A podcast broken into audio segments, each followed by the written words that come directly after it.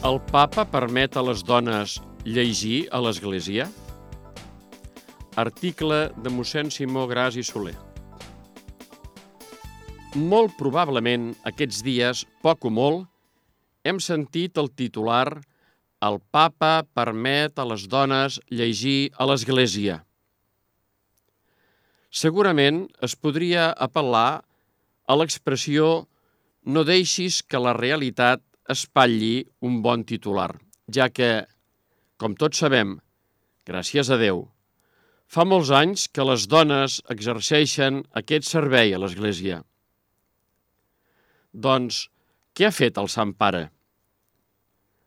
Em preguntava una lectora a la parròquia. Miraré d'explicar-ho de manera clara i sense massa tecnicismes canònics.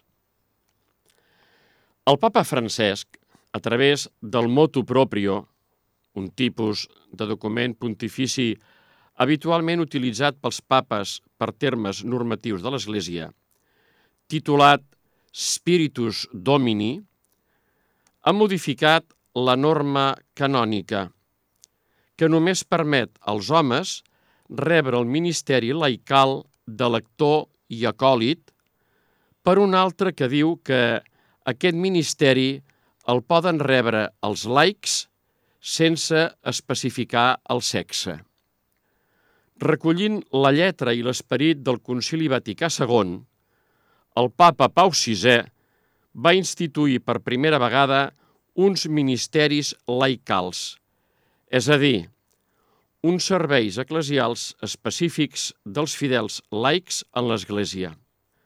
En va definir dos, el de lector i el d'acòlit, servidors de l'altar.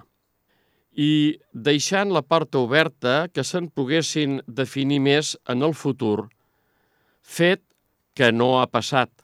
Amb tot, com que aquests ministeris són hereus de les antigues ordes menors que rebien els aspirants a l'ordenació sacerdotal, malgrat que es rellegeixen a partir de la teologia del laicat del concili, el papa estableix que només el rebin els homes. I cal afegir que la inèrcia del temps ha fet que, a més a més, només el rebin els homes que demanen esdevenir clergues. A la pràctica, doncs, no va canviar massa cosa. El que ha fet el papa actual és resituar aquests ministeris en la, en la dinàmica ministerial pròpia dels laics en l'Església i, per tant, trencar les limitacions i la inèrcia que havia desdibuixat allò que havia nascut com un aprofundiment en la vida dels laics.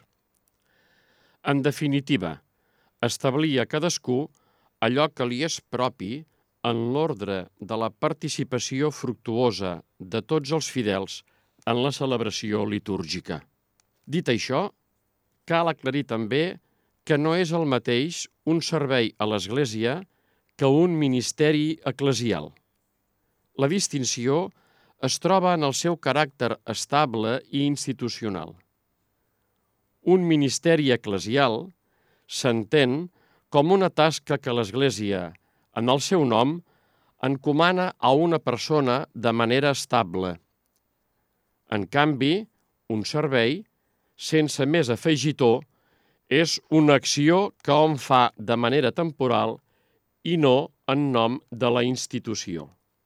Així, els ministeris laicals instituïts pel papa Pau VI i que ha revaloritzat el papa Francesc són pròpiament ministeris ordinaris, estables i en nom de l'Església i propis dels laics.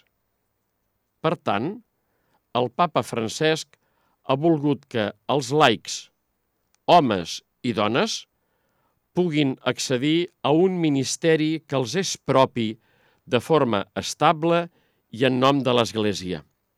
Pertocarà a cada església particular el discerniment de com aquests ministeris es van establint en vistes a l'enriquiment del conjunt de la vida eclesial i que, lluny de llegir-los com a quotes de poder, han de ser celebrats com a fruits madurs d'un camí eclesial de corresponsabilitat de tots els batejats, com el mateix papa recorda.